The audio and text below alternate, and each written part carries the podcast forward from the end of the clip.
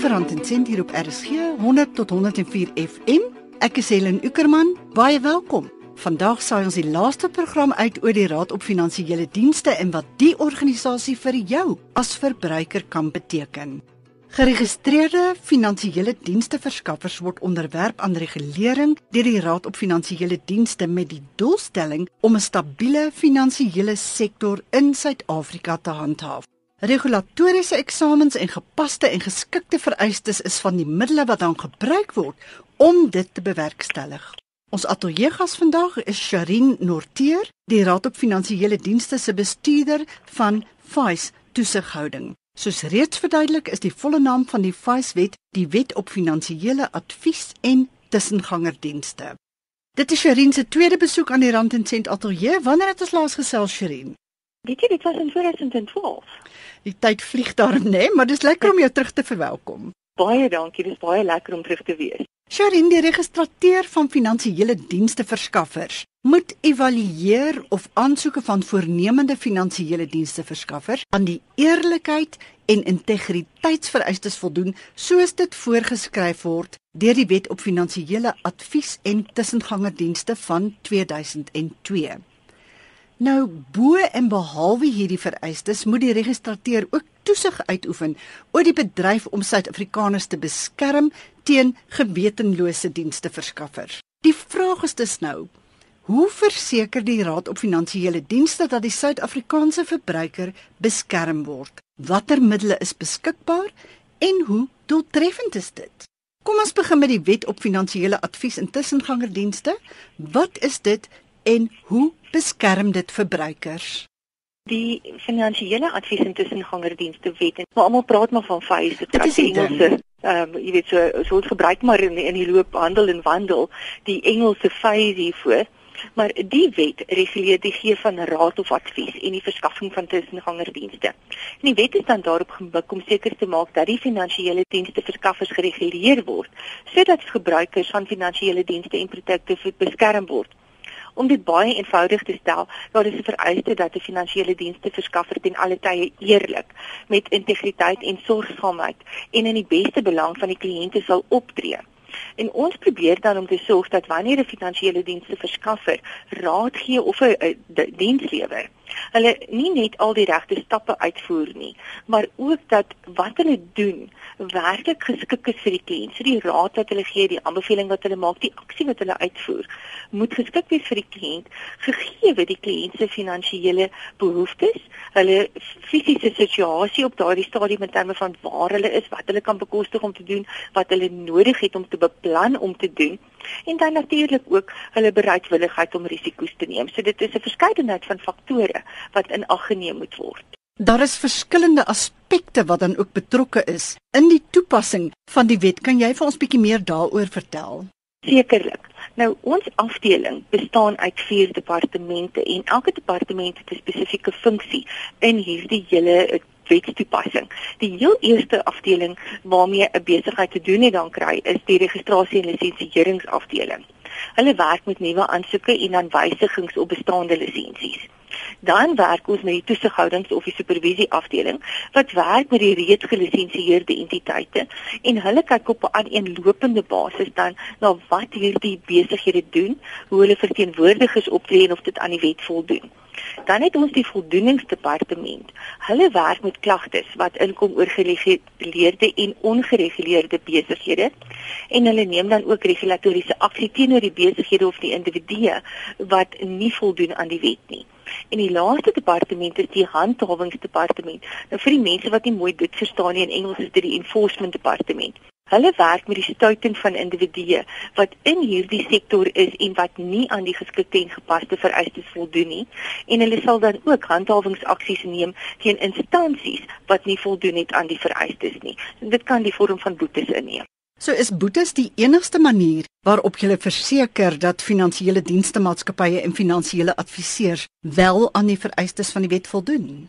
Nee, dis een van die goed en, en dit is 'n redelike laaste uiteinde. So wat ons doen op 'n deurlopende basis en dis nie negatief van aard nie. Is ons kyk op 'n gereelde basis wat doen die besighede en ons doen dit op twee maniere. Ons kyk na kantoorgebonde inligting wat na ons toe kom. So alle uh, finansiële dienste verskaffers moet op 'n jaarlikse basis vir ons hulle finansiële status stuur en ons analiseer dan die finansiële state om seker te maak dat die besighede finansiëel gesond is want gesonde besigheid gaan gesonde aksies neem ter wille van hulle kliënte. En ons kyk dan ook na hulle nakomingsverslae. Nou in hierdie verslae moet hulle vir ons breedvoerig terugvoering gee oor hoe hulle aan die wet voldoen en waar hulle nie aan die wet voldoen het nie, hoekom dit nie gebeur het nie en hoe hulle dit regstel dan doen ons ook ter plaatse ondersoeke.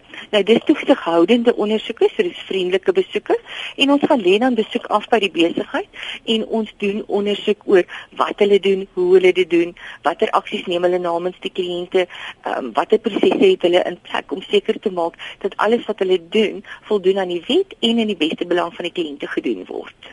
Dit klink vir my of jy hard werk daaraan, maar die Raad op Finansiële Dienste word tog soms gekritiseer dat hy nie sterk genoeg optree teenoor oortreders van die wet nie. Wat is jou siening daaroor, Sherin?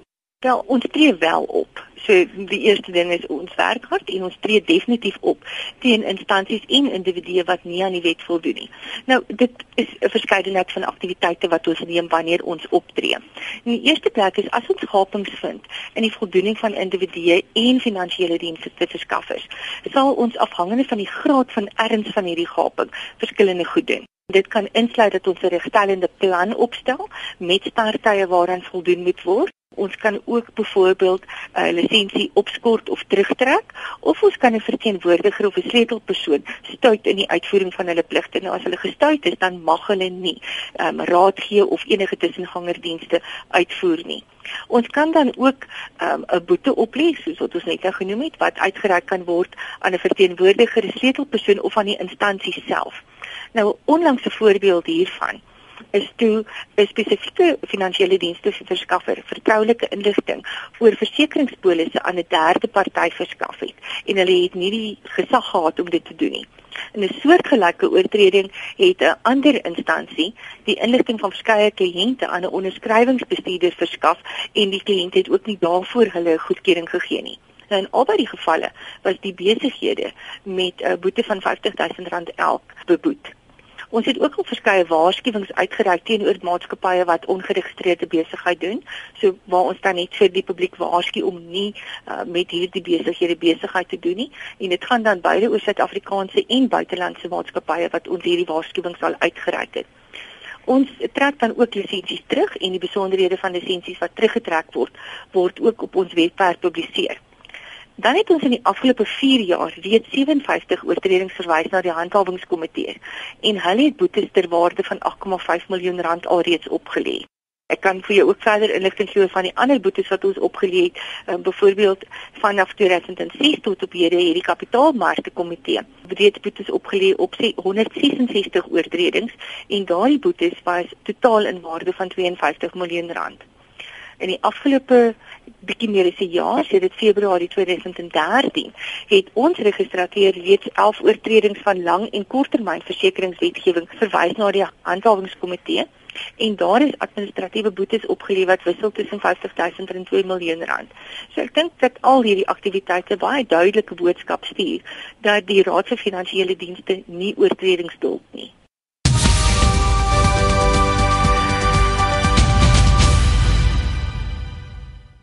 Jy luister na Rand en Sent met Helen op RSG 100 tot 104 FM en ons gesels met Sharin Norteer, die Raad op Finansiële Dienste se bestuurder, FACE toesighouding. Vandag se program word dan ook geborg deur die Raad op Finansiële Dienste wat finansiële dienste in Suid-Afrika reguleer. Dit is die laaste program in die reeks oor die Raad en wat dit vir jou as verbruiker kan beteken. Sharin, wat beteken dit om kliënte regverdig te behandel in terme van die wet op advies en tussengangersdienste? Dit beteken vir ons dat die kliënte reg deur die waardeproses van die finansiële produk of 'n diens regverdig behandel moet word. Dit beteken dat die produk moet doen wat die kliënt verwag hy moet doen en dat die proses maklik moet wees vir die kliënt om te verstaan. Dat daar dwars deur hierdie proses uh, verduidelik moet word wat hulle kan verwag en wat van hulle verwag word. Nou dit is belangrik om te let dat ons wetgewing is reeds markverwante uh wetgewing. So dit beteken ons wet reg van die begin af poog om te sorg dat kliënte regverdig behandel word voordat hulle in 'n transaksie inloop tydens die lewensduur van die transaksie en dan nadat hierdie produk of transaksie tot 'n einde kom. Die beëindiging van dit moet dan ook goed hanteer word. Dit gaan dan ook oor medesklagtes beteken dat die kliënte moet raad kry oor die produkte wat werklik in hulle behoeftes voorsien en dat die produk of die diens kan funksioneer soos wat hulle dit verwag het. En ten einde is wanneer 'n kliënt 'n eis wil inhandig, dat die eiseproses eenvoudig en maklik moet wees en dat die eise dan regverdig hanteer moet word. Kom ons kyk bietjie na 'n luisteraarsnavraag. Anoniem het 'n vraag ingestuur en dalk kan jy help Sherin. Anoniem sê 'n maatskappy genaamd Cambist adverteer tans 'n rentekoers van 19% per jaar en wil weet of dit enigstens moontlik is.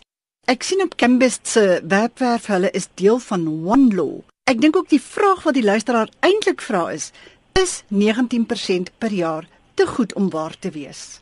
Nou, die vraag het twee dele van ons so kortliks oor Cambist. Dus ons is bewus van Cambist in OneLaw. Die registrateur is tans besig om dit te ondersoek saam met die Reservebank en die nasionale kredietreguleerder om vas te stel of die besigheid nodig het om aansoek te doen vir lisensiering by die Raad op Finansiële Dienste.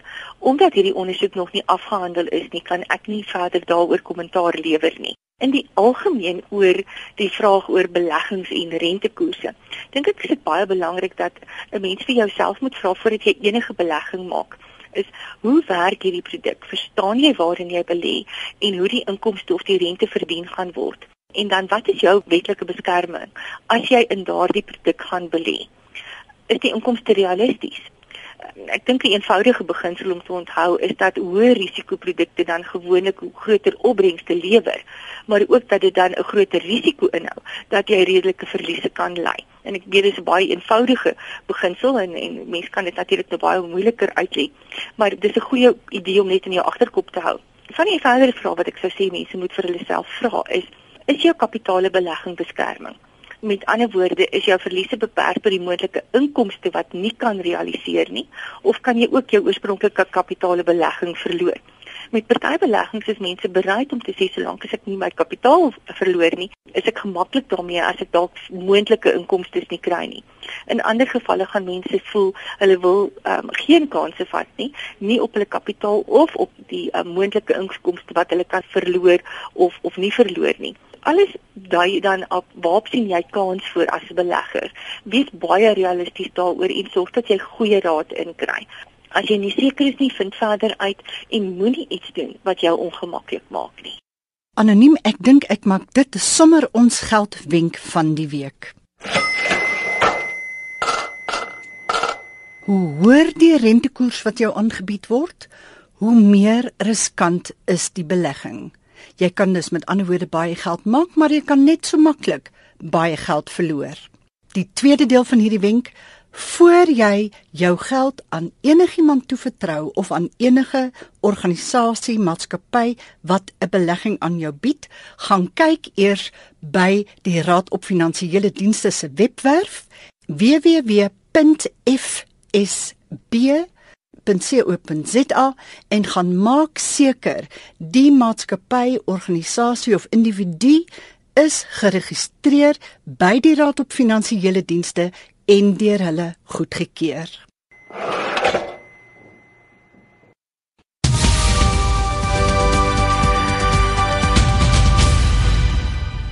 Kan ons bietjie gesels oor die kwalifikasies van finansiële adviseurs? Word dit enigstens beheer?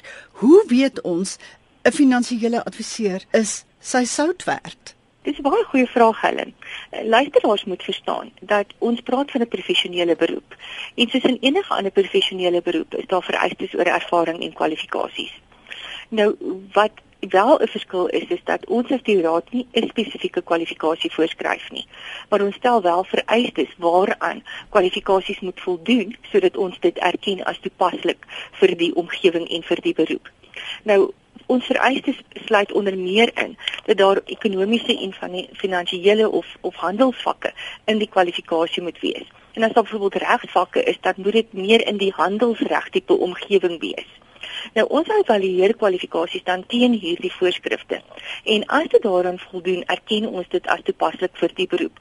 Ons het in die afgelope 5 jaar byvoorbeeld al meer as 800 kwalifikasies evalueer. En hierdie lys van kwalifikasies wat ons op die ouende erken het, is beskikbaar op ons webwerf. Nou, dis ook belangrik om te verstaan dat verskillende kwalifikasies jou in staat stel om verskillende goed te doen. So party kwalifikasies is redelik spesifiek. Byvoorbeeld, jy kry kwalifikasies wat baie spesifiek is oor korttermynversekeringsinligting. Nou as jy so 'n kwalifikasie het, dan is jy heel waarskynlik uitermate geskik om oor korttermynversekering raad te gee of dienste te lewer. Maar stel jy nie noodwendig in staat om byvoorbeeld oor kapitaalmarkte te kan raad of dienste lewer nie.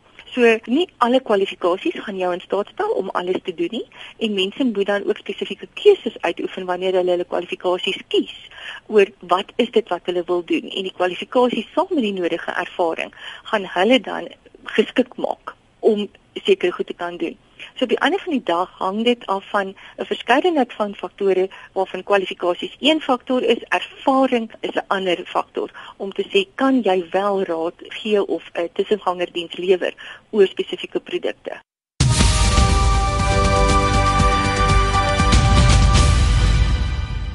Jy's by Rand en Sent met Helen.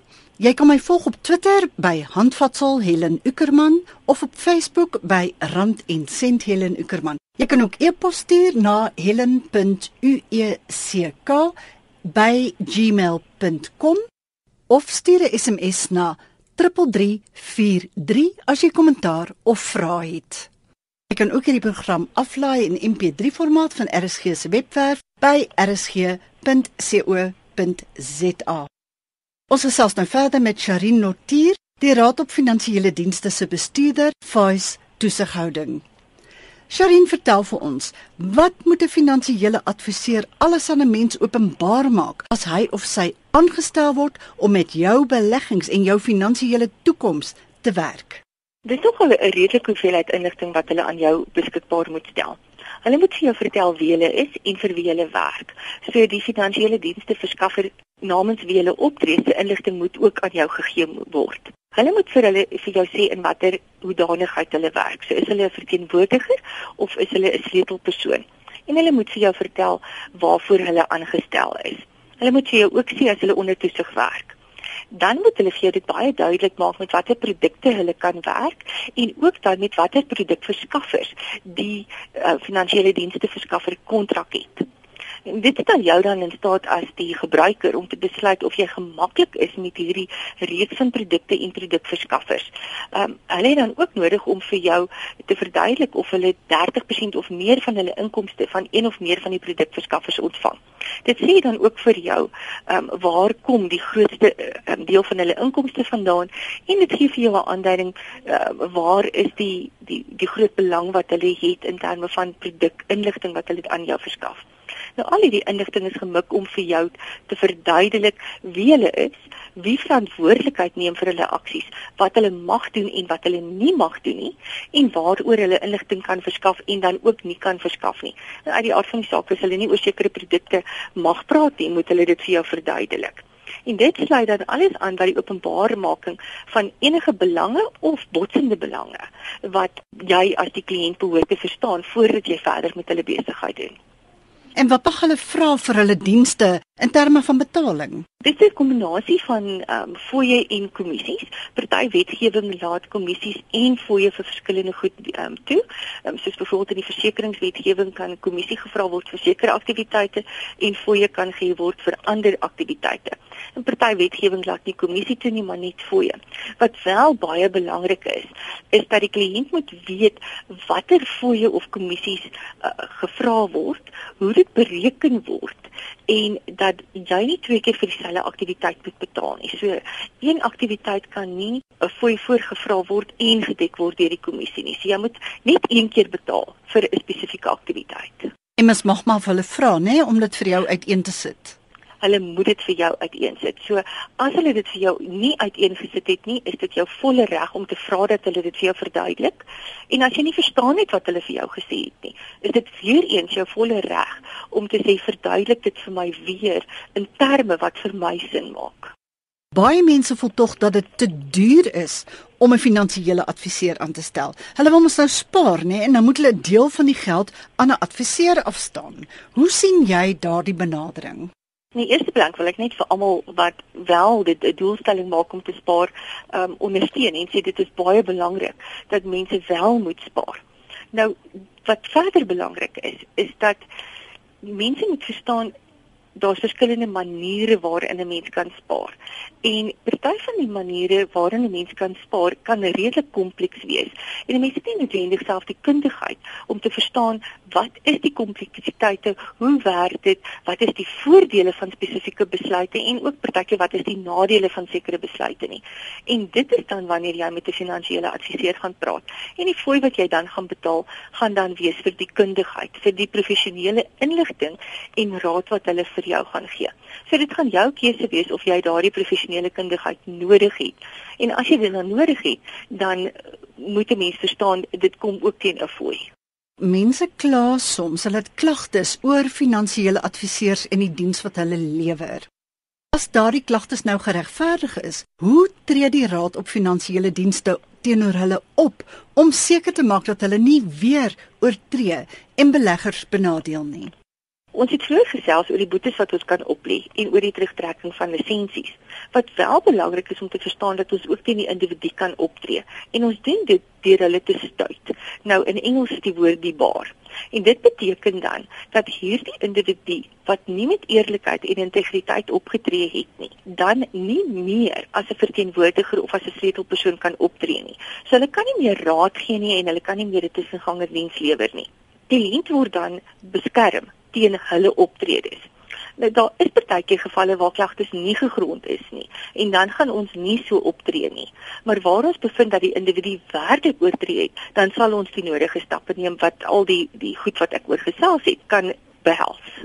As die raad op finansiële dienste opgetree teen adviseurs of finansiële dienste maatskappye kan hulle dan weer in 'n latere stadium deur die raad goedgekeur word as diensverskaffers? Ja, dit is nie onmoontlik om te gebeur nie. Wat wel gebeur is dat 'n instansie kan weer aansoek doen om goedgekeur te word as 'n finansiële dienste verskaffer. Nou in elke so geval gaan die individuele aansoek op meriete oorweeg word. So ons gaan elke geval ondersoek. Ons gaan kyk na die oorspronklike redes oor hoekom daar opgetree is en ons gaan kyk na wat het intussen gebeur met hierdie persoon of die instansie en afhangende van die individuele um, ondersoek sal ons dan besluit of ons die goedkeuring gaan gee dat hulle weer kan in die industrie um, funksioneer en of hulle um, vir 'n verdere tydperk gestuit gaan word.